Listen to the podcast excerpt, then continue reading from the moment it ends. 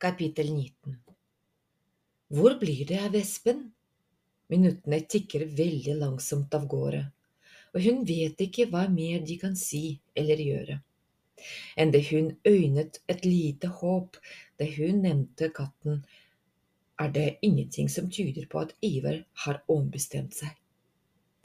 Han må være så lei seg at han ikke ser noen grunn til å leve videre, tenker hun. Det er faktisk umulig å forestille seg.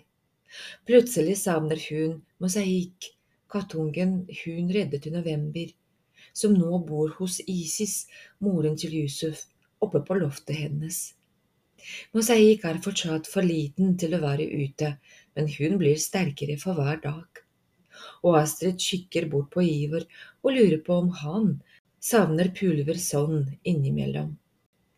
Om pulver får ham til å le slik hun selv flirer av all det rare museet kvinner på.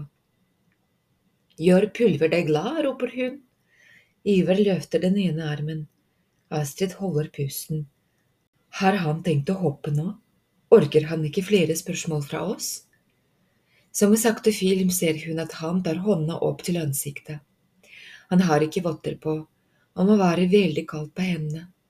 Hånda glir over ansiktet, kanskje han måtte klø seg. Han klør sikkert selv om han har bestemt seg for å dø. Eller kanskje han gråter.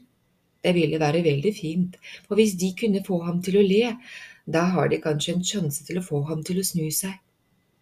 Hvis jeg skal finne et hjem til Pulver, må vi vite hva han liker, roper Egil.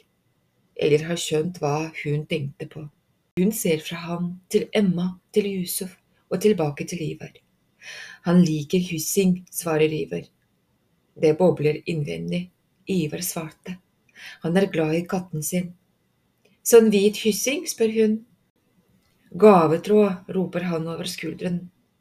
Det er litt skummelt. Tenk om han glemmer at han står ytterst på kanten når han svarer dem.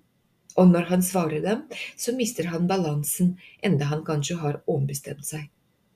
Sånn krullete tråd som er rundt pakkene til jul? Ja, men i år fikk han ingen fordi de ikke hadde noen gaver.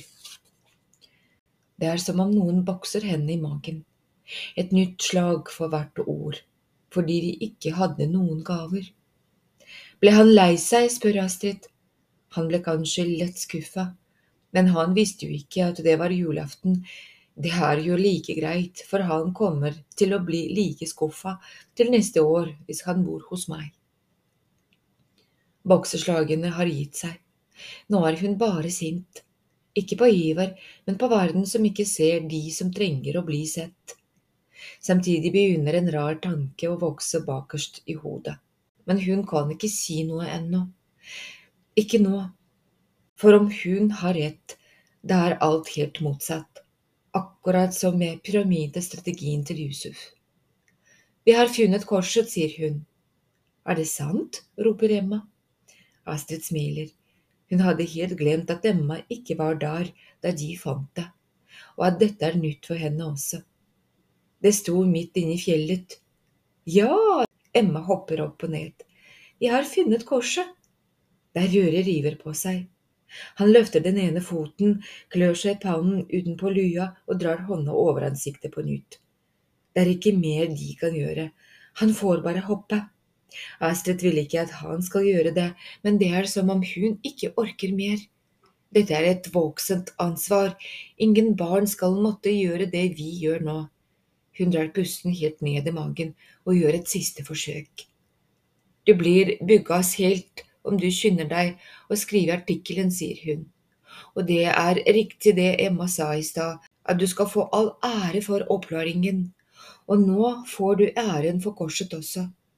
Det føles ganske kjipt, for det hadde vært veldig gøy å være på forsiden av avisen sammen med Emma, Egil og Yusuf.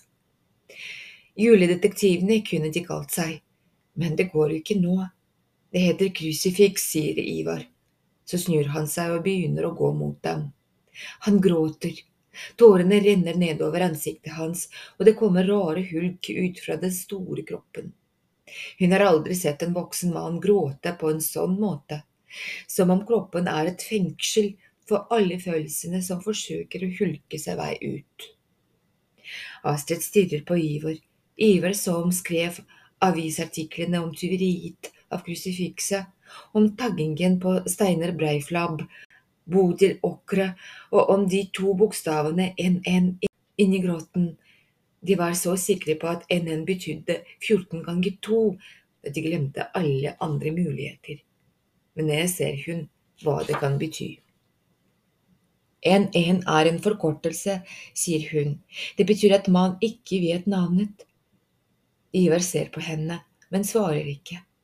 Og det motsatte er vel ID, sier hun. Identitet. I det samme blunker et lite blått lys over hodet hans. Han ser vekk, men hun vet at han forsto hva hun fortalte ham. Astrid ser ned på støvlene hans, som befant seg ytterst på skrenten i, neste, i nesten en time. Så ser hun hendene hans og blir veldig trist. Brått hører de en lyd bak seg, og pappa kommer opp stien. Han er tydelig sliten etter å ha presset seg oppover i en fart han ikke engang er klar for. Redd bak følger Espen politi. Hold du følge med politiet helt opp? spør Yusuf. Jeg begynte et kvarter før han, peser pappa, som ser ut som om han har mest lyst til å legge seg rett ut på bakken. Et kvarter! Espen går rett bort til Ivar. Er jeg arrestert? spør Ivar. Det blir med til legen. Når du ikke kan ta vare på deg sjøl, må vi gjøre det.